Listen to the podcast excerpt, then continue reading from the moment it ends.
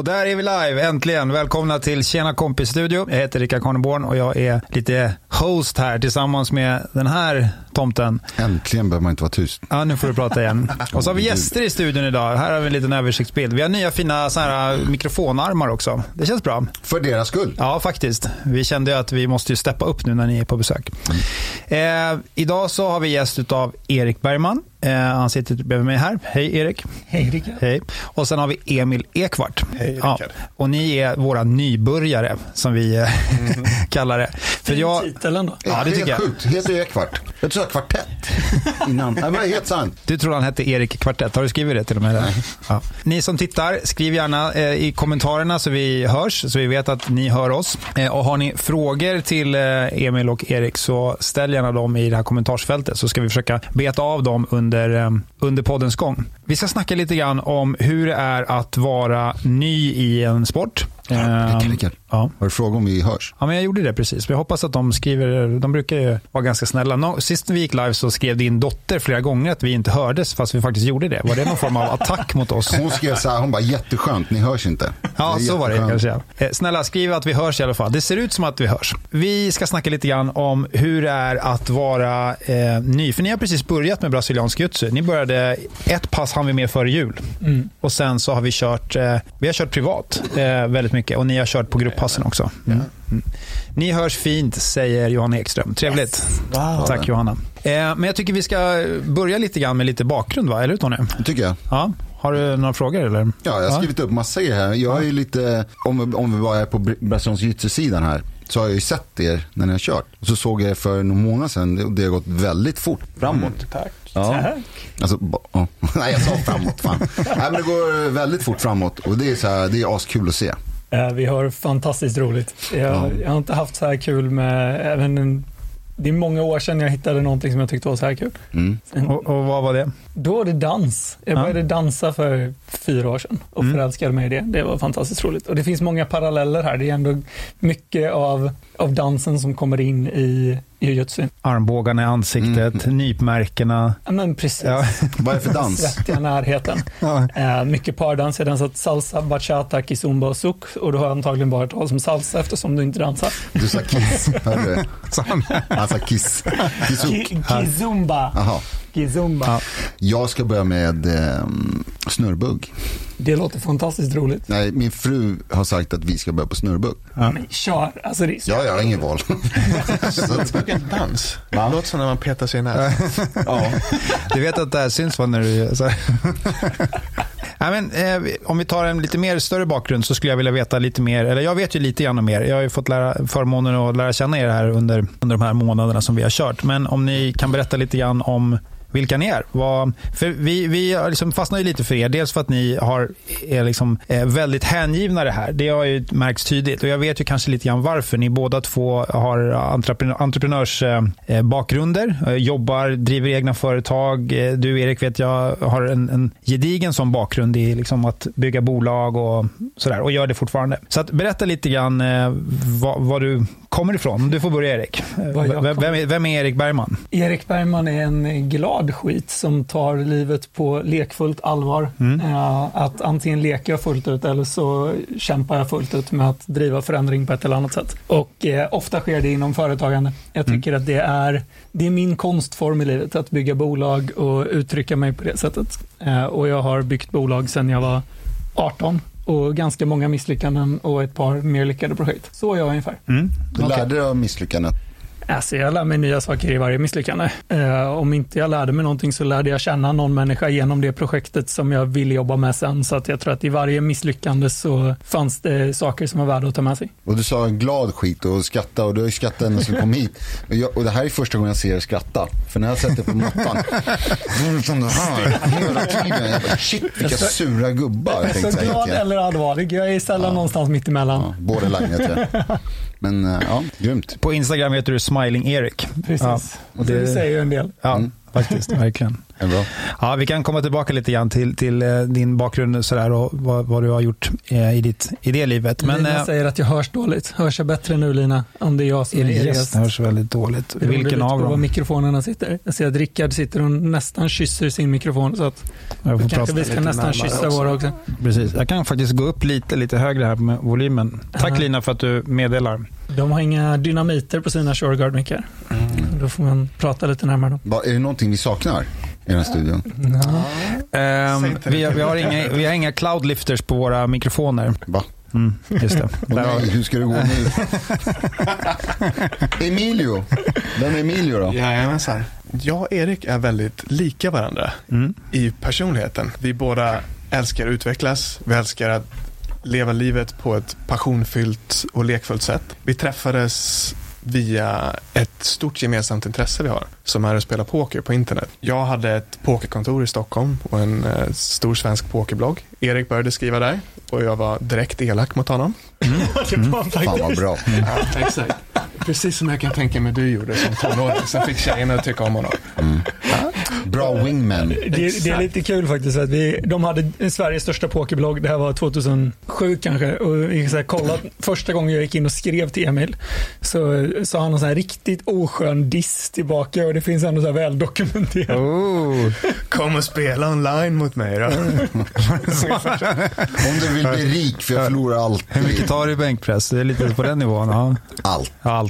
Allt. Ja. Vi kommer Aha. säkert prata mer om det när vi pratar om jiu-jitsu sen. Men jag kan tänka mig en del i den kaxiga attityden var att jag inte var introducerad till kampsport. Om jag får dela min erfarenhet av, Ja. jag minns när jag gick i första klass, du vet, hur gammal var 6-7 år. Ja. Och jag började... Hur gammal var du Tony? Nio. Ja. För jag, fick gå en, jag fick gå en tre år i rad. Ja. Du var inte välkommen. Och det är därför jag är lite mer intelligent än alla andra.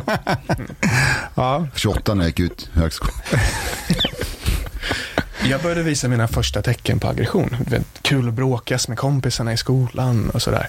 Och Jag fick alltid skäll och blev skambelagd av lärare, föräldrar. Och så, sluta med det där, sluta med det där. Så jag tog den aggression jag hade och bara tryckte ner den. Mm. Och har gjort det hela mitt liv nu tills Erik släpade med mig hit till jiu-jitsu. Är det så? Ja, Ja. och jag kan tänka mig att en del i att jag var så kaxig och oskön verbaler på internet var att jag inte var grundad i att ha fått något som helst utlopp för den maskulina energin. Det här är intressant. Den var, den var avancerad. Det var spännande. Ja, Shit, vad kul att höra att det funkar med jujutsu. Jag är Ja, för du är ju väldigt skön på, på Nej, jag, jag, jag känner inga spår av aggressivitet. Ja, kanske lite i side control ibland när han försöker klämma sönder huvudet på dig, Erik. Men, Det här är intressanta grejer. Det här är lite ovanför era huvuden. Ja. Eftersom jag, du låter väldigt smart, jag är akademiker och är väldigt kvalificerad att ställa diagnoser så här. eh, vi... Var? Det är sant. ja. Eh, men det är intressant, för fick du, så var exakt som jag också.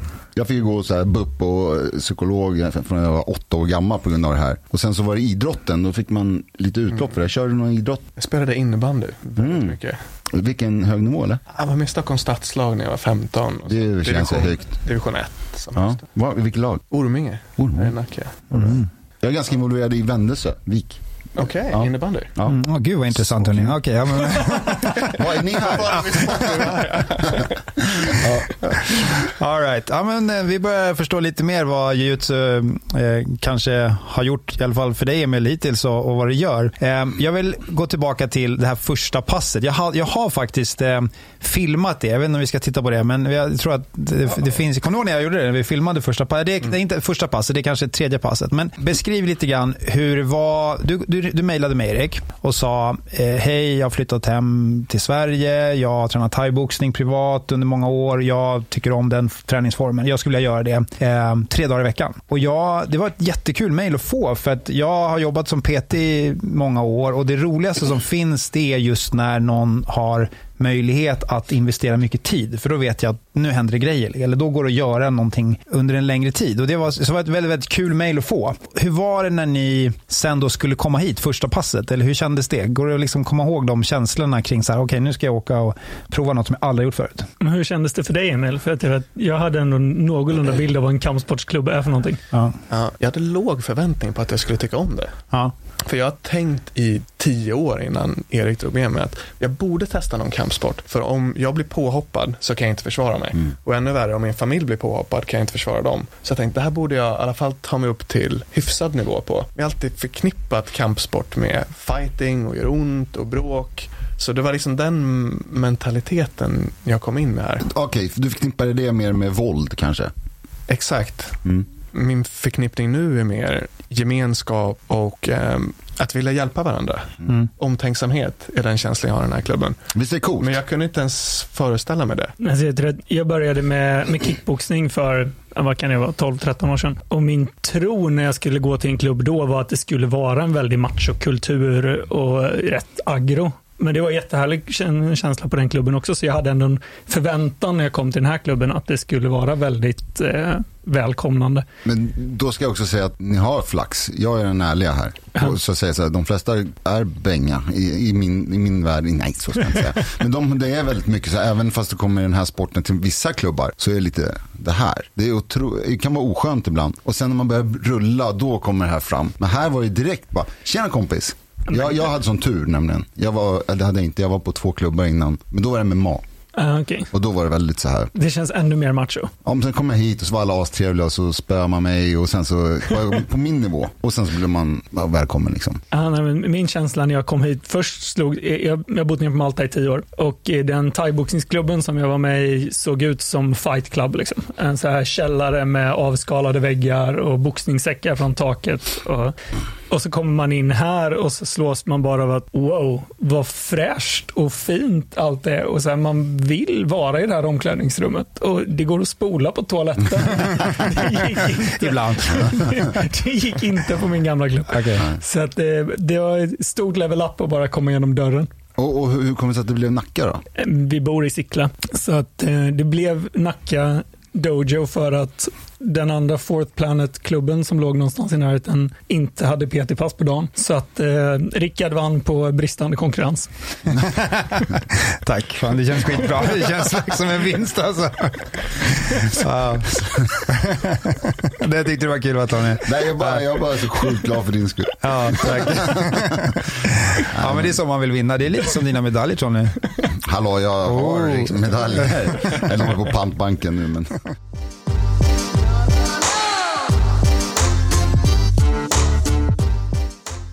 Nej men eh, Rickard har sagt det, att, eller som du nämnde också, att när ni har några som vill köra tre gånger i veckan, de vill köra i alla fall länge hoppas vi, då, då, då är det så kul för då kan man verkligen, då börjar vi här. Men om de säger, tja jag vill köra tio gånger, jag vill lära mig stryp, och så, aha, då måste man kasta sig in i någonting och sen kan de ingenting om någonting annat sen. Ja, nej, men det var väldigt kul eh, och att ni hade den eh, inställningen att vi skulle köra mycket. Eh, Och så började vi och E- Emil var skeptisk. Hur, hur länge var du skeptisk? 17 minuter. Ja, precis. Vad jag, faktiskt, jag hade det, säga, om inte du hade sagt det så hade jag sagt, nästan sagt, det tog- kändes som inte alls tog länge.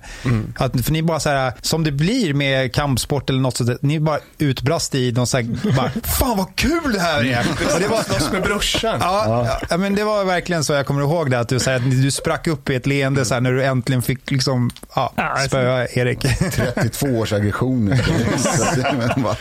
Bara släppts loss på ett pokerbord och aldrig i verkliga livet. Ja. ja, men 17 minuter. Ja, det var så här. Och sen då? Sen har vi fortsatt att träna här. Vi tränade tre dagar i veckan under en period. Nu har vi gått ner på två gånger i veckan. Så ni har lagt in ett styrkepass och sådär. Hur har det varit att lära sig den här sporten då? Om ni jämför med andra saker som ni har fått lära er. Vi kommer in lite grann på, på våra, ert pokerspelande. Men hur har det varit att liksom försöka förstå sporten? Så först och främst har det varit vansinnigt roligt. Jämfört med det mesta jag har tvingats lära mig i livet så har det inte varit så att jag bara, jag vill lära mig mer nu, nu, nu.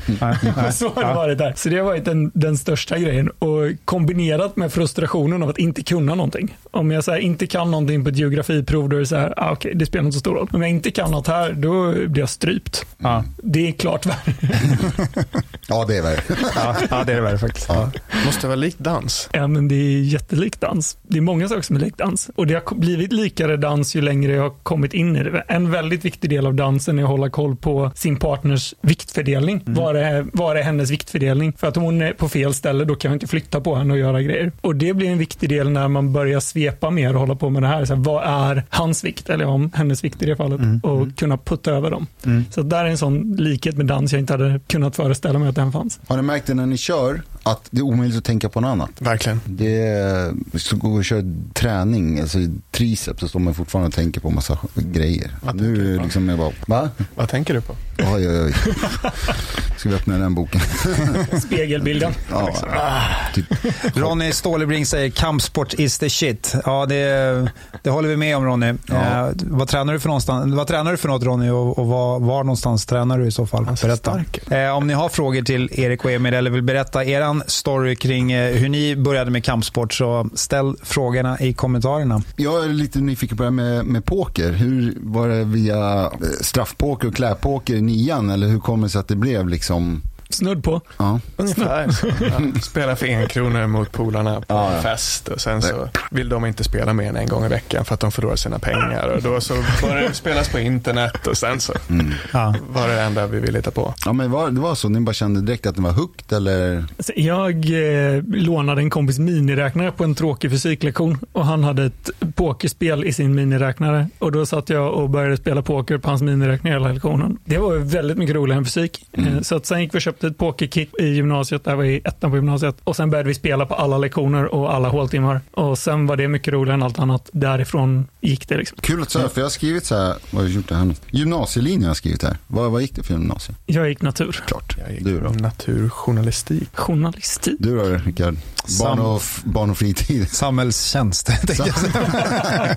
Sa- Samhällsvetenskaplig på Nacka gymnasium. Tränade mest, gick inte så jättemycket i skolan. Dagen låg precis i samma lokaler så det var väldigt lätt att smita ner på ett lunchpass då. då. Gud vad Ja. ja. Så du har Ja, varit gick- pensionerad sedan gymnasiet alltså? Vad sa du? Du har varit inne i det här sedan gymnasiet alltså? Eh, Ja, men absolut. Jag började träna när jag var 12 och började satsa på kampsport som liksom tävlings... Att jag förstod att jag ville tävla och göra det så mycket jag kunde runt 91 kanske. Jag är född 75. Jag kom med i landslaget 94 och sen var jag med i 10 år och körde allt jag hade. Liksom. Så, att, så att min gymnasietid och min studenttid och hela den grejen var ju träning. Liksom. Eh, Jag hade liksom alltid ett glapp. Mina kompisar kallar mig för tonårsfyllan. Eh, För, att, för jag, hade liksom, jag drack ingenting och liksom åt bra och liksom skötte mig i, under hela året. Sen hade vi alltid VM i november. Och sen hade man från sista veckan i november, hela december, då var jag liksom ledig. Då kunde jag liksom festa med mina kompisar. Och så, här. så och, Har man inte druckit alkohol på en, ett år så, så, ja, så att jag var inte så här, så en månad där. Sen så, men sen, annars så var det liksom det som var fokus. Det låter som lite när vi åkte på skidresor när jag var, när jag var tonåring. Jag hade problem med njurarna när jag var tonåring. Så att eh, jag började ofta kissa blod om jag hade varit för stökig under en period. Så att eh, mina killkompisar mätte kvaliteten på skidresan på vilken dag Erik började kissa blod. Okej. Bara, Nu åker vi hem. Ja, fan. Ronny säger, just nu kör jag lite thai en gång i tiden, jujutsu duo. Ja, men det är ju den Ronny, nu förstår jag. Nu ser jag om det, jo, men det måste det vara. Farbror ser dåligt. Ja, folk byter efternamn här och där, så härligt Ronny. Jujutsu. Men eh, kopplingar då? Mellan poker och brasiliansk jiu-jitsu, finns det ens? Det, ja men mycket faktiskt. En sak som vi satt och pratade om i bilen var eh, om du vill lära dig att spela poker så det första steget att bli bra på är att spela sina egna kort och inte bry sig så mycket om vad motståndaren håller på med. Lära sig, så här gör man i de här skedena, det här är oddsen och gör det här och det här. Och det känns som att det är liknande nu när vi börjar med jujutsun, att så här börja med att förstå vad ska du själv göra i alla olika situationer och tänk inte sådär jättemycket på att försöka lura motståndaren eller försöka analysera vad de gör, utan lär dig hålla in armarna, lär dig att räka ut, lär dig att göra de olika grejerna. Och att ju bättre man blir så antar jag att det blir samma sak i jujutsun, att tids nog handlar det nästan mer om att bara analysera vad gör motståndaren nu för att vara beredd ett steg innan och kunna förbereda och sådana saker. Och det är en intressant likhet mellan pokern och eh, alltså i vilket skede du bör fokusera på vad som, vad som är viktigt. Och jag tror att det är lätt att i både i jujutsun och i pokern börja tänka för mycket på vad gör motståndaren för tidigt innan man kan sina egna basgrejer. Eh, För det är mycket roligare att försöka luras eller analysera vad gör någon annan än att träna in basmomenten. Är ni båda överens om den, analog, heter analogi, analog? Analysen. Ja, den är vi överens om. Och ehm, sen finns det fler nivåer av det när man börjar tänka, vad tänker motståndaren att jag tänker? och det är kanske där man hamnar i svartbältesmatcher. vad tänker motståndaren att jag tänker att han tänker?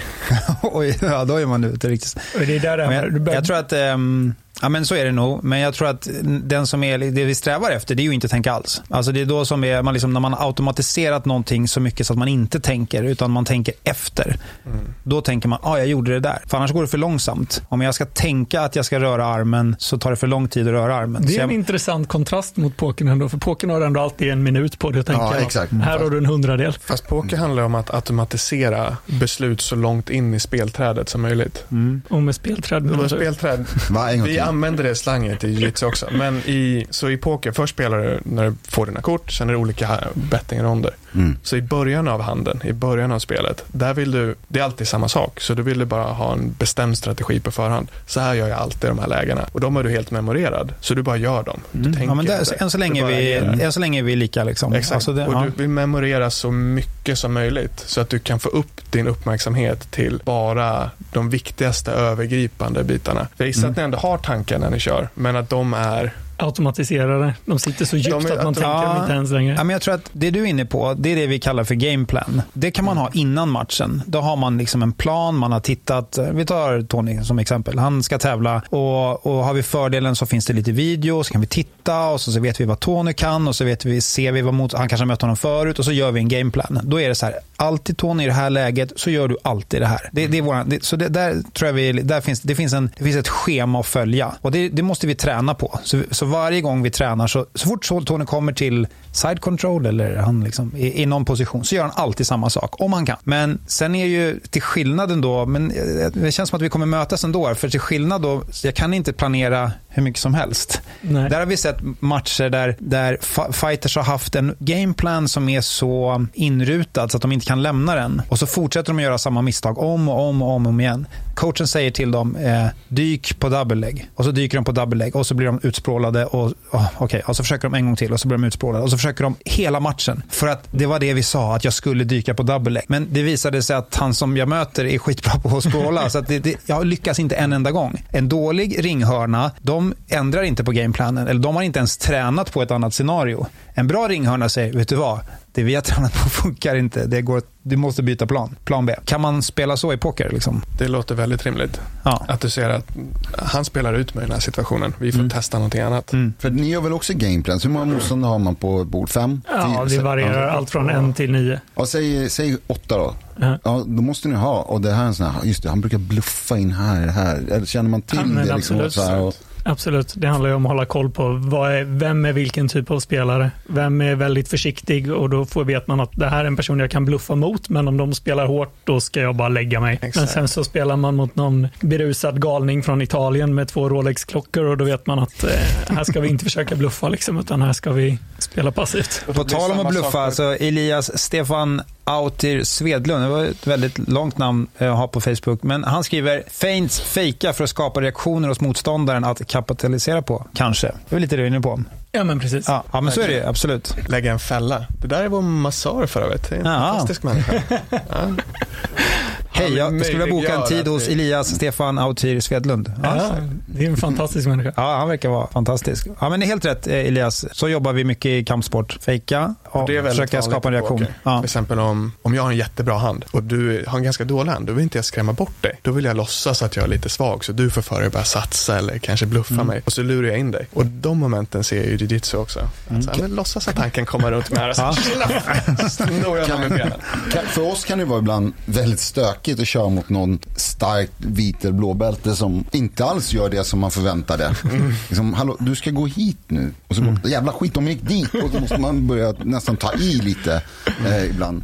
Och, och, det kan vara knepigt. Kan det vara, är det svårare att möta någon som är nybörjare på poker också? För det, det, går inte att läsa den här idioten, för han vet inte ens själv vad han gör. Så du, man får gå tillbaka till att börja spela på matematiken då och mm. bara spela normalt. För om du spelar som en galning och inte vet vad du håller på med och jag spelar normalt så kommer jag vinna. Hur märker du det då? Men det märker man rätt snabbt. Om du jämför det med jujutsu, om någon slänger ut en arm på något konstigt sätt så kan du på två sekunder säga att så där gör inte någon som är duktig och det är inte en del av en mästarplan och där, redan där vet du hur duktig den här personen är. Och så kan du snabbt se epoken att Gör de en eh, orealistiskt stor höjning eller en orealistiskt liten höjning eller något konstigt så tar det två sekunder att förstå att det här är ja, en tok, inte någon duktig. Liksom. Mm. Handlar om ja, det, timmar på mattan, timmar vid bordet. Ja, men det måste jag, om jag pratar till dig Tony, det, så känner man ju igen ganska tidigt. Så om man inte vet vem personen är, om man tränar Nogi till exempel, där inte de här bältena finns, så har man ju egentligen ingen aning. Men det är liksom, det står en person, man kan vara vältränad eller inte vältränad, stor eller liten, man har ingen aning. Och sen så bara känner man ju, när man har tränat ett tag, känner man ju precis som det du sa, Nej. efter liksom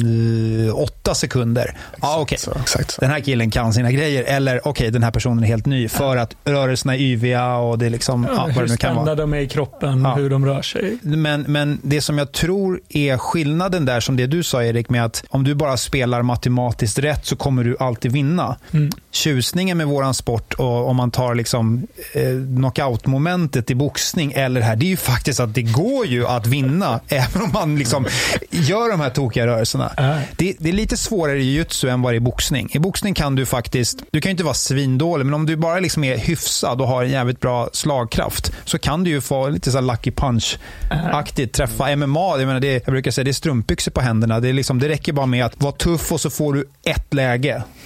Sitt- Sitter den då, då är det över. Liksom. Det spelar ingen roll hur... Hård sport. Ja, det är... Men det gäller, att ha, det gäller att ha några rackare. Alltså några S, ja, men som Kunna tjoffa till den andra lite. tjoffa till. Ja. Men du blir överkörd och liksom står och så, ah, sen så är du skitvass på handledslås. Och så blir du ett överkörd och sen så får en handled bara, mm. Ja. Och då vann du. Fast du egentligen blev överkörd. Så det gäller att ha några rackare. det som japanska filosofin kring att lära sig, framförallt i judo, det är att bli så bra på någonting så att även fast alla vet att Rickard kastar det här kastet. Alla vet det. Alla tränar för att inte bli kastade. Var så bra på det så att du kan kasta folk oavsett.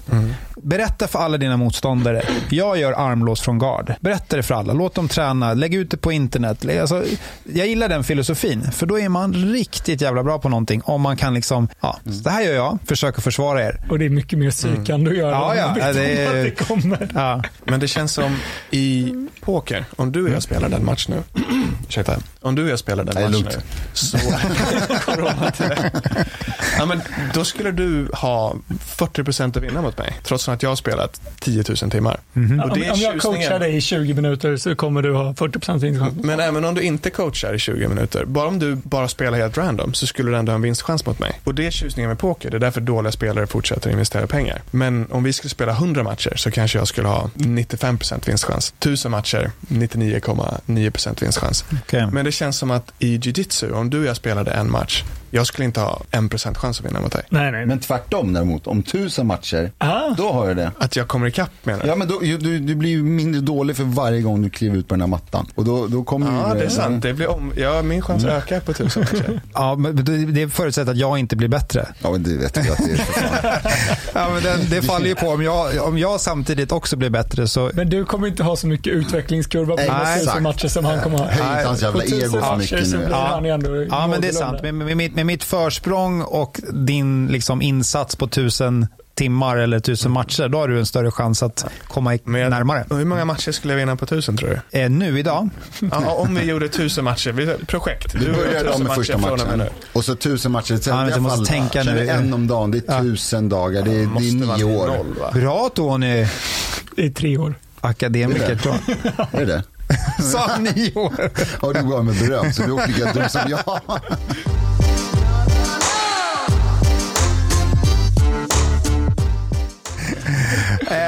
Säker, ja. tre år, en match om dagen. Fan vad slit. Det kommer slita på kroppen alltså. Får vi Sikta på hans axel, dig vet hans att axeln är skadad. Skadad plats.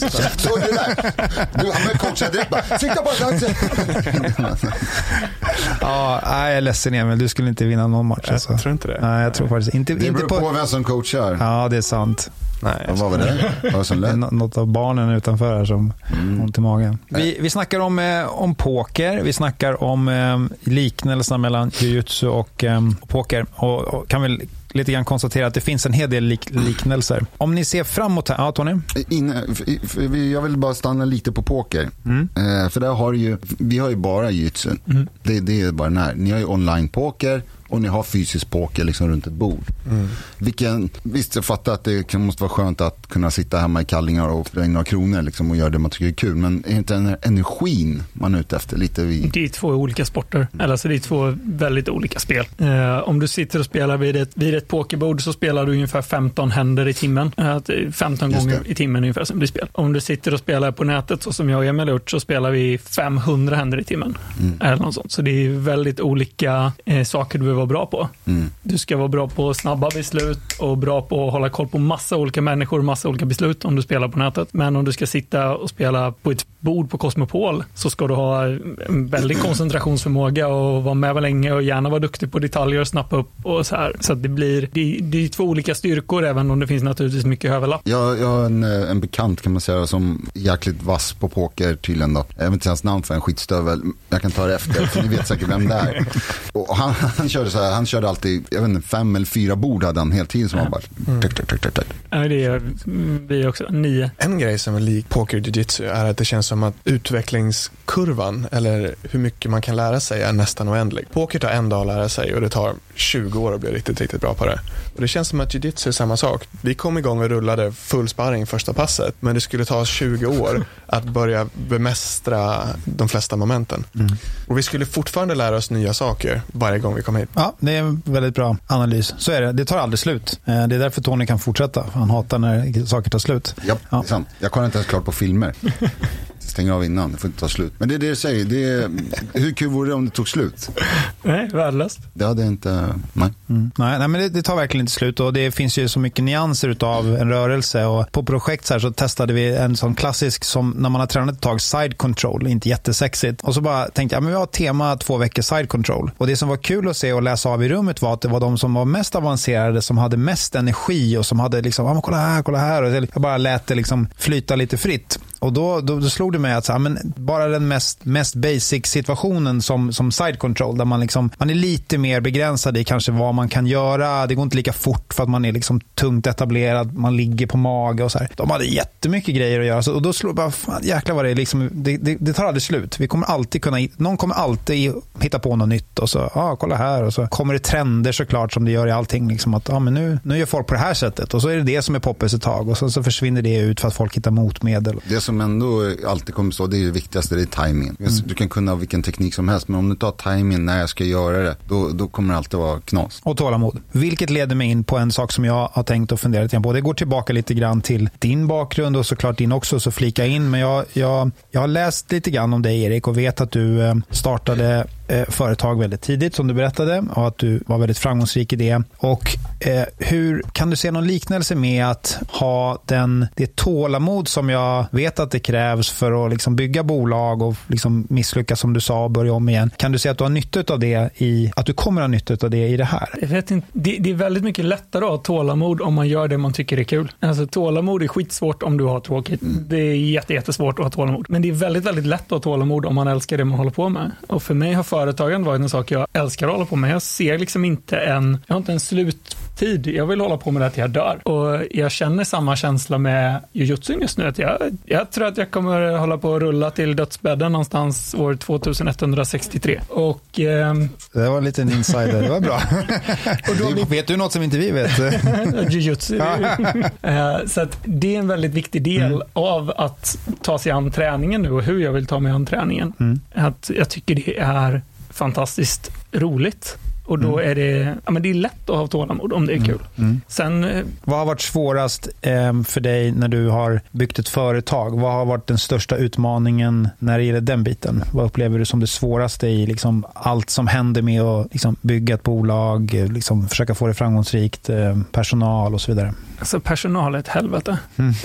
Så att, eh, Människor. Även Ja. människor. Alltså, det, det är en sån här faktor som är ett stort moment X. Du vet aldrig hur en annan människa ska reagera i en annan situation. Mm. Och Jag kan tänka mig att det är en av de jobbigaste grejerna med att driva en, eh, en dojo är att du får en och annan rötägg till medlem som eh, förstör mycket på ett eller annat sätt och det är inte så kul och inte så lätt att hantera. Och det är det jobbigaste med att driva företag också, att mm. det är rötäggen som på ett eller annat sätt tar sig in i en organisation och man inte vet hur man ska bemöta. Mm. Um, anledningen till min fråga är att jag känner att jag har lärt mig väldigt mycket av att också vara företagare och också hålla på med jutsu. Jag kan finnas, finna väldigt många liknelser i det. Att man vet att det, det, tar, eh, det tar lång tid att, att få någonting att bli bra. Man måste ha väldigt mycket tålamod, precis som i jutsu. Eh, det är liksom ingen tio veckors kurs och så bara gör de här stegen så blir det så exakt så som man har tänkt. Utan det är en ständig pro process i att liksom börja om, börja försöka igen. Och, liksom så eh, och så är det ju väldigt mycket med jujutsu också. Eh, att man, man får börja om hela tiden och så kommer man till en viss nivå och sen så liksom fasar den ut på något vis. Man hamnar i en platå och så händer ingenting. Och sen så, många kommer ofta fråga så här,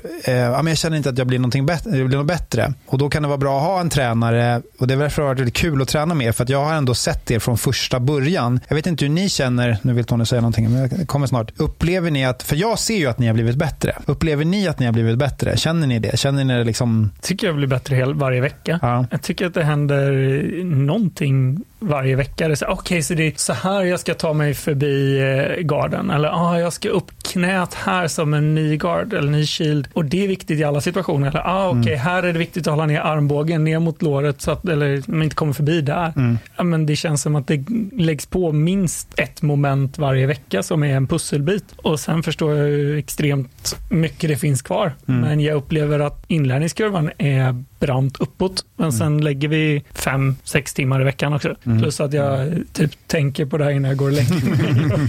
jag sa det till mig Erik, jag visualiserar rörelsen innan jag går och lägger mig. Jag säger, ge fan i det, du får inte tjuvträna i drömmen. Men du kan somna då? Ligger inte där sen bara? Ja, alltså det händer att jag råkar skicka till liksom flickvännen när hon ligger där bredvid. Men det, det, får, det får det vara värt. Ja.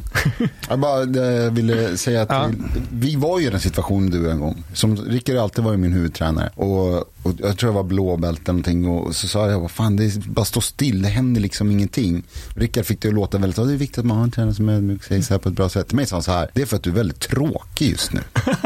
Du har två, tre grejer som du gör jättebra och de gör dem hela tiden. Så då hände ingenting. Och så var han typ tyst. Och så jag bara, så var vi bara det eller? du är dålig. ja, men då sa jag det bara, nästa sparring så får du inte gå på något lås. Du får bara byta position. Inget lås. Han bara, nej. Och ännu värre, du får inte säga att det är det du tränar på. Så jag okej. Okay. Så jag ska bara gå in och sparras utan att gå på något lås. Och då gick det väldigt fort. Så lossnade det. Wow. Då börjar det bli helt plötsligt hitta positioner, här, ba, ba, ba. Man låser sig. Men det är återigen en parallell till dans. Att det var en sån sak min danslärare gjorde i en av danserna jag gjorde. Hon tog bort ett av grundmomenten. Du får inte göra det här. Och helt plötsligt var jag tvungen att tänka nytt hela tiden. Och det gick ju åt helvete jättemånga gånger, vilket jag utgår från att det gjorde här också. Men jag kunde inte repetera gamla mönster och då blir det en helt ny, en helt ny dans. Och jag utgår från helt nya sparringssituationer om och om igen. Emil, bästa positionen i brasiliansk jiu Bästa position? Som du tycker är roligast? Jag tänker säga, jag kan inte ett enda namn på någon position. jag tycker det är kul att vara i sidokontroll på Erik. Det känns som att vi utvecklas mycket i förståelsen för vad vi ska göra där. I början så låg jag helt fel och då bara smet han hela tiden. Men nu börjar jag lite mer förstå hur jag ska ligga där och mm. ta mig vidare. Och, mm, men att börja förstå de här baspositionerna är väldigt kul. För då, det känns som att det påverkar det som händer senare i sparringen väldigt mycket. Rickard nämnde att ni har stannat kvar och kör lite lunchpass också.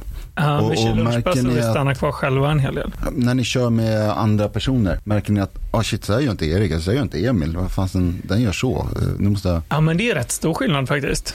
Mm. Uh, och sen är det stor skillnad på uh, storleken på personer man kör med. Vi väger ungefär lika mycket och sen helt plötsligt så är det någon på mattan som väger 20 kilo mer och då är det en, en annan sport. Liksom. Och sen någonting jag och Emil gör nu när vi sparras är att vi, vi slutar eh, så fort vi hamnar i en position där ingen av oss har en aning om vad vi håller på med, så säger vi bara stopp och så börjar vi om. För att härifrån, dels är skaderisken hög och dels lär vi oss ingenting för vi vet ändå inte vad vi bara chansar på. Och det händer ju inte heller då när man kör sparring med främlingar utan då hamnar vi stopp, alla de Stopp, stopp, stopp. det här känns inget bra. Nu vet inte jag vad jag håller på med. Nej, men det, det tror jag var en väldigt viktig del i vår inlärningskurva, att vi inte, vi slösade inte fyra minuters sparring på att sitta fast i någon situation där ingen av oss vet vart vi ska eller hur vi gör, utan då är det så här, ah, okej, men börja om istället. Stannar och frågar, men hur ska vi göra här? Ja. Oh, en grej jag tror har gjort att vi lär oss mycket är att vi hela tiden lär varandra tjuvknepen. Mm. Så Ja. om Erik missar att göra någonting som hade varit jobbigt för mig, då håller inte jag det för mig själv, utan jag delar alltid det med honom. Och Erik gör samma sak. Mhm. Schysst. Ja, men det har ni varit- ni har varit duktiga på. Ni, ni har ju haft ett sätt eh, att tar er an i det här som jag... Det är därför jag liksom faller tillbaka på att fråga dig och fråga er om det här med liksom att, att bygga någonting, om det nu är det företag eller vad sådär. För att det kräver ju en viss typ av eh, metod för att liksom ändå lyckas med det. Man måste, liksom, man måste ha någon form av princip kring att så här, ja, men jag måste ta saker i vissa steg. Och jujutsu är väldigt mycket att göra saker i rätt ordning. Eh, man måste liksom prioritera rätt hela tiden. Vi har pratat mycket om det när jag har haft lektioner med er. Att, okay, först fotleden, sen knä, knäleden, knäleden, sen höften och sen överkroppskontroll. Eller hur? Och I början så ville ni mest kasta er förbi och bara, jag, lös, jag, vill, jag, vill, bara, jag, vill, jag vill ha huvudet nu direkt. Liksom. Och när vi snackade lite grann om att ni skulle vara med i podden så sa du en grej Emil som jag tyckte var väldigt fascinerande. För, du, kan, du får berätta den själv, men jag kan bara ge er en liten hint. Det var det här med att eh, en duktig pokerspelare fokuserar på detaljerna. Har du lust att ta det en gång till? Exakt. Mm. Fokusera på att, så, så det är pokerspelare som inte kommer så långt. Mm. De spelar, när de kollar tillbaka på sina händer, de som inte kommer någonstans, det är de som aldrig analyserar sitt eget spel eller försöker förbättra sig. De som inte kommer så långt är de som när de spelar så kollar de, vilka var de coolaste händerna som hände? När fick en person SS, den andra personen kung-kung? När var den mest konstiga, absurda situationen? De kollar bara på den. Vilket i jiu-jitsu hade varit, när hamnade vi i den här invecklade situationen där jag och Erik bröt nu? Men bra pokerspelare, de analyserar situationer som händer ofta. Så tänk dig att det är en tråkig grej. Bara jag liksom hur mycket jag väljer att satsa innan spelet ens har börjat eller vilka händer jag öppnar med. Som skulle vara i jiu-jitsu som, ja, men hur spelar jag i side control eller hur, hur sätter jag upp mitt knä? Vilken vinkel ska jag ha på knät när jag går in med min kil eller hur ska jag, vilken vinkel ska jag hålla ryggen i när jag ställer mig upp? Bara de här detaljerna, de gör ingen stor skillnad. Men de händer, hur många gånger på en träning? Hundra gånger. Så att bli en procent bättre på dem kommer öka ens effektivitet enormt mycket över tid. För när, när jag lär ut till er, jag har ju börjat förse lite grann hur ni lär er också. Eh, och nu kommer det lite personlig feedback här. Men när du lär dig, då är du väldigt mån om att göra rätt. Så du säger så, så, så. Du frågar mig hela tiden, för du är väldigt, väldigt angelägen om att när jag har gett en instruktion, då ska den, eh, liksom, du vill efterfölja den till punkt och pricka. Jag, jag kan tycka mig, när du, du har berättat om kring att du blev en duktig pokerspelare och att du är väldigt så intresserad av de här detaljerna. Så när du vill göra någonting, då säger du, då tittar du på mig och säger så. Och så, ja, säger jag så. Och så liksom bekräftar du det själv tills du liksom, så att det blir, verkligen blir rätt. Och, och när, jag, när, jag, när, jag, när jag tittat på hur ni har lärt er så har det varit väldigt, väldigt så här, angelägna om att förstå detaljerna i det. Det, det, det är inte så här, "Ah, ja, och sen så, ibland när man lär ut till någon så visar man och så ser jag att de, de vill nästan inte lyssna. De vill nästan bara göra så som de brukar göra eller som de tycker att de vill göra. Det, det sista är lite kanske fel men, men liksom, av mig att säga, men, men jag upplever det så ibland. Ibland har man så avancerade utövare. De, de, de vill nästan inte ha hjälp ibland för att de, det, det blir för jobbigt att ta till, ta, till, ta till sig alla de här detaljerna som det faktiskt kan vara. De bästa, eh, tycker jag, som det roligaste att lära ut, ni har faktiskt varit väldigt så. För att, det, det, ja, nej, men, för att när någon är intresserad av att jag vill förstå hur det här funkar. Jag förstår, för det är mekanik, liksom. det är biomekanik och det, är liksom, det finns en, en plan med det. Då blir det väldigt kul att vara tränare. Jag pratar utifrån ett tränars perspektiv. Och jag tror också då att då har man stor chans att komma väldigt långt. När man är väldigt så här, man är besatt av det som du var inne på, med att förstå de små spelen, de små detaljerna som gör att jag faktiskt kan ta hem den där stora potten ändå. För att jag har övat så mycket på detaljerna. Liksom.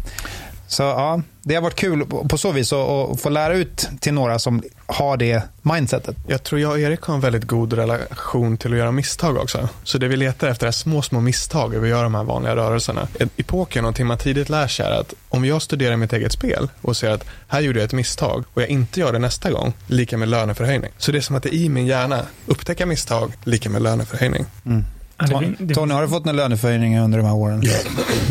Lönesänkning. Du, eh, jag Hen- Henke är Henke, är lite sur. Henke är ju ett svartbälte här på klubben som normalt sitter i den här stolen. Så jag har fått eh, förhållningsorder om att du får sköta det. Kan du undra varför Tony har snott gamla skrivbordslampor från 80-talet och hängt mickarna i?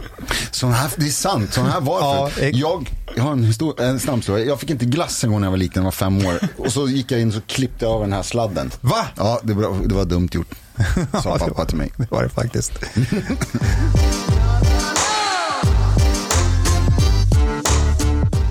Eh, apropå skador, du sa, du sa en nackskada. Hur är det med din skada, Rickard? Vilken skada? Ja, handen där, du hade en skada. Ja, ja, ja, du tänker så. Eh, Jag ser jag ska någon bara- form av finurlig blick här. Kolla där. Jag, Ah, jag eh, krattade i helgen eh, eh, och fått en blåsa här. Så, Jag kan inte köra på ett tag. jag kan inte köra på ett tag. Eh, vi börjar närma oss eh, höjdpunkten här för eh, Tony. Är du beredd nu? Nu är det du snart. Han har skrivit något. Ja, nu har Elias skrivit igen. Fråga. Men Elias, det handlar inte om Rickard nu. Han- Han kanske är till dig. Du är också tränare. Hur gör du som tränare för att dessa två ambitiösa studenter ska lära sig så snabbt som möjligt? Och hur länge behöver de personlig träning för att utvecklas snabbt? Ja, nej men, eh, jag kan svara på det. Jag eh, tror att personlig träning kommer de alltid behöva. nej, jag skojar.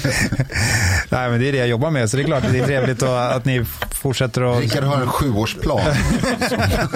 Så min, min plan är att lära ut lite fel hela tiden. Så, att ni, nej. nej, men jag har en filosofi kring att lära ut eh, till nybörjare. Och Det egentligen bygger på två saker. Och Det är att tidigt lära, få, lära er eller lära någon som är ny hur man kommer loss från positioner. För att man kommer alltid fastna. Hur man än gör så kommer man alltid liksom hamna underst. Det gör man i jujutsu. Så vi har lagt mycket fokus på att ni ska kunna försvara er från side control, att ni ska kunna räka, att ni ska kunna den här underhooken. Liksom. Det har vi lagt mycket tid på och nött liksom, så att ni ska känna er trygghet. Hamnar jag under så ska jag försöka komma tillbaka till en guard igen. Så det har jag lagt fokus på. Och Sen har jag lagt fokus på att när ni väl har någon i guard så ska ni kunna eh, försvara den garden. Om det är så i stängd guard eller i halvgard. Eller, för er som inte vet vad jag är så guard är när man ligger på rygg och har den andra mellan sina ben på något sätt. Det kallas för guard. Så min, min strategi är att lära ut det tidigt. För att då blir det roligare att brottas, eh, upplever jag. När man kan försvara sig och någon sätter sig gränsle över mig. Då ska jag kunna försvara mig på det på något sätt så att jag kan liksom vara med och brottas igen. För hamnar man platt på rygg och armarna sitter fast, då, då, har man inte, då kan man inte vara med och brottas. Eller om någon håller fast en från sidan, då ska man kunna få tillbaka sin guard igen. Så det lägger jag tid på. Och sen, ska vi se, måste komma ihåg frågan igen. Två ambitiösa. Jo, men, så, och så läsa så snabbt som möjligt. Det handlar ju om att, eh, jag, du frågade faktiskt mig Tony innan, så här, hur, hur, liksom, för du vet att jag jobbar som PT och så, här, så får man in någon som kanske köper en timme här och där eller ibland köper folk tio timmar. Och ni har ju liksom investerat i mycket timmar. Så jag gjorde en, en, en för mig själv framförallt en, en ganska ambitiös plan och skrev ner och hade liksom vecka för vecka och sådär. Fick överge den lite grann för ni lärde er lite snabbare än vad jag hade tänkt mig. Ja. Ja, men så, att, så svar på din fråga Elias, jag har, jag har liksom försökt att fokusera på ganska lite och, och så har jag repeterat det väldigt mycket. Och så har jag framförallt fokuserat på de här två sakerna. Ta sig loss från någonting och att hålla fast den andra i gard. Ja. Sen så gör du också en, du är ju också nöjt att se de här två herrarna sparras. Mm. Och där gör du hela tiden en aktiv behovsanalys. Där man säger, just okej han gillar den positionen, okej men då ska vi göra lite här, okej han har lite knepigt här, då ska vi göra lite på det här. Mm. Så att, ehm, En annan grej som också blir, nu har jag haft lite problem med mina axlar och så här, så jag har inte kunnat, men det är ju att vara med och brottas. Sist var- så, och då får jag ju också möjlighet. Det är ju, jujutsu är väldigt, eh, Elias säger tack. varsågod. Tack för att du ställer frågor Elias. och sorry för att jag trackade dig lite för att du hade långt namn. Det var inte meningen, jag kände att det kom ut lite fel. Jävla dryg. Eh, tack Elias. Nej, men, eh, det som, som är jujutsu är väldigt mycket hands-on. Alltså det är rätt svårt att vara jujutsu-tränare i eh, gympaoverall och, och visselpipa. Det går, men det är, det, är, det är svårt. Man måste, tror jag, kunna vara med på ett eller annat sätt. Man måste inte absolut vara bäst. Min tränare sa alltid till mig, målet med att vara tränare är att dina elever en dag ska bli bättre än vad du kunde bli. Ju, bättre, ju mer du tycker om att vara bra, desto svårare blir punkt nummer fyra. Och det har jag levt väldigt mycket efter. Att jag, jag säger till mina elever, säger till er, jag, mitt mål är att ni ska dra ut mig. Mitt, mitt mål är att ni ska kasta mig. Mitt mål är att ni ska knocka mig. Eller alltså, det, det är liksom det jag strävar efter. Jag kommer göra det liksom så svårt som möjligt. Jag kommer försöka förlänga den där processen så länge det bara går. Med Tony har jag förlängt det i snart 15 år. Liksom. Han, nej. nej, men jag hoppas att, att, att, att som tränare att man har den inställningen att jag vill ju att ni ska bli så bra som ni någonsin kan bli och jag vill att ni ska bli, jag kunde bli så här bra, då ska ni bli lite bättre än mig. Jag måste ha den inställningen. Jag tror att många tränare gör fel i att så fort eleverna börjar bli lite bra, då trycker man till till dem så jäkla hårt så att det inte blir kul. Att man Eller blir, så- rädd, man, blir, förlåt, man blir rädd för att liksom vinna eller göra bra ifrån sig mot sin tränare. Jag kommer att applådera er och liksom, jag menar, Tony, han är ju liksom vunnit jättemycket och är en väldigt, väldigt rutinerad utövare nu. Jag kämpade emot så länge jag kunde, men till slut så gick det inte. I början han, när han kom, då, då, då gjorde jag vad jag ville med honom. Det gör jag absolut inte längre. Men det är ju en process som är liksom, som, som tränare är väldigt så här, ja det är en belönande process liksom. Sen också, du slutar inte köra med eleverna. Men jag försöker, det är det värsta. Det är många, har jag hört om, som så fort eleverna börjar, då bara, så slutar de köra med eleverna. Och då har man ett sånt jävla egokrig. Ja, då har man liksom, man har, precis, då har man, så länge man var liksom pigg och frisk och kunde slå dem, då var man med. Men så fort man börjar känna så här, fan det går inte lika bra längre, då, som du säger, då slutar man och, och brottas och då, då lämnar man ett konstigt tomrum så här, att jag fick aldrig slå min tränare. Liksom. Ja, Hörrni, Rickard, det är jag, dags jag för, tror inte de är redo. jag tror de är redo. Ja. Är du redo? Emil kanske, men jag- Erik, så. Ja, okej. Vi har ett moment här som heter Tonkans 10. Vet du vad det är för något? Oj. Jag känner mig mäkta nervös just nu. Ja. Bla, bla, bla. Tonkan ställer frågor. Man får svara ja eller nej. Man måste svara snabbt. Båda två svarar på samma fråga. Den som känner att den vill svara först, svarar först. Ja eller nej-frågor. Det ska vara tio. Det är aldrig tio. Nej, det är inte det. Det, det, men det heter Tonkans 10 och det börjar nu. Vi börjar här. Vin eller öl? Vin. Tesla eller Volvo? Volvo. Jag gillar det, Emil. Vem av er vinner i en BJ-match mot varandra? Erik. Erik. Vem vinner på poker? Emil. Kommer ni att tävla i brasiliansk jitsu på Nordic? Ja. Kanske. Artisten Cher, bra eller anus? Bra. Vet inte. Va? Tony blir Allmänna... Oh, get out. Vet inte. Har du sett... Vet du om det är? Ja, men jag har inte lyssnat. Okej, vi tar det sen. All... All... Almanacka i telefonen eller en på riktigt? Telefonen. Mm. Generation X. Yes. Eh, bodybuilders, bodybuilder, yes eller no? No. Kaffe eller te? Kaffe. Kaffe. Spela topp eller botten på bras... inom brasiliansk jitsu? Botten. Va? Vad sa du? Botten. Och du topp? Topp. Vi hamnar alltid där. Ja, det gör ni faktiskt. Trump, bra eller anus? Anus. Solglasögon på under en pokermatch, ja eller nej? Nej. Ja. Oh. Det här är lite ja. Jag är för Bra. dålig för att spela live. Folk läser mig för mycket. Jag är online-spelare. Stäng av. ja, nu är det viktiga grejer. Magväska, ja eller nej? Nej. Ja. Okej, en fick följa med på middagen efteråt. Mm. En fick inte. Tony är nämligen klubbens magväskexpert. Ja, det är Men En jag gång. gillade share så att jag får Ja, det är sant. Haka på. Är du en nypare nypar. i, i den här sporten? Är du en sån nyps? Nej, möjligtvis viskar elaka saker i örat på dem. Kanske borde bli en nypa.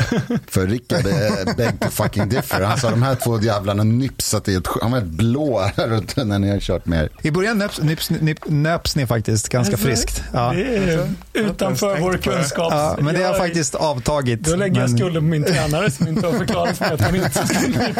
Nej, det var dem. Det var det- bara 14 frågor. Ja, det var bra. Vi ger en applåd. Bra grabbar. Bra rond. Som, ja, det, jag ska inte snacka så mycket om det, men som akademiker så kommer jag ställa nu en eh, diagnos på er och se om ni är i en depression eller på väg in i en depression. så att, eh, med det jag till er så slipper alla höra. Vad? Nej, inget. Det är, jag älskar att du är akademiker efter att ha pluggat på folkhögskolan nu i är det, ett halvår. Ett år? Ja, ett år. Ja. Men det är, du, är, du är akademiker. Akademiker per definition låter det som. Ja. Han går till en akademi regelbundet. Ja, Det måste ju vara absolut. Jag väljer att vara en akademiker. Ja. Så är det. Hörni, det här har varit... Ja. När får jag vara med på något pass som ni kör? Alltså de här två är ju assköna, varför kan inte jag få vara med någon? Precis när du vill. ja, det säger jag också. Han kan faktiskt få vara med. Ja. Han har en del bra grejer att komma med. Ja, men jag, jag menar som en kastocka och brottarkompis. Ja. Precis när du vill. Ja, vad trevligt. Mm. Hörrni, det har varit eh, supertrevligt att få hänga lite och snacka eh, här i podden. Och hoppas att ni som har tittat eh, och haft trevligt, vi brukar köra en timme ungefär och nu ska vi gå och käka middag. Och nu för tiden så har man begränsad tid hur länge man får vara på restaurangen så att vi, eh, vi får skynda oss på lite grann. Och den här podden är sponsrad av Spotify. Eh, så om du vill synas med oss så swisha och så kommer det lösa sig. Undrar om man får säga sådär. Men, ja. Just Det- did. Ja, just det. Too late mate. ja, exakt, exakt. Direktsändning. Bitch. Ja. Vi eh, tackar så mycket för eh, visat intresse. Om ni eh, tycker det här var kul så håll utkik efter nästa gång. Vi hoppas att Valdo Zapata snart är tillbaka i studion. Yes. Nu på lördag så går ju Simon Sköld match på Superior och det ska bli spännande att se hur det går och såklart få snacka med Valdo lite grann. Valdo är en bra kompis till oss som drabbades av cancer här för ett år sedan. Men han har överlevt det och verkligen tagit sig tillbaka och är på mattan igen. Mycket tack vare brasiliansk jitsu. Ja, och det är så. allt han har lärt sig om där och alla som finns i hans närhet och positivt tänkande och aldrig ge upp. Det kan jag verkligen tänka mig. Så vi ser fram emot det. Eh, här kommer intromusiken, eller outromusiken kanske det heter nu, Glöm inte säga till när de inte hör oss länge så jag kan säga det här ordet. som du har skrivit ner på din lapp. Japp. Tack till alla er som har lyssnat och tittat. Vi eh, ses snart igen. Tack Erik. Tack, Emil. tack. Ska jag stänga av nu eller? Ja, yes. Låter den här basen gå på lite grann bara så här. Så ett riktigt gott boom-ljud. Ja. Utan cloudlifters. I och för sig, de behövs inte då. Space clappers. Ja. Men släpp, stäng av Ja, jag stänger av då. Okej, ha det bra. Hej då. Tja. Hej då.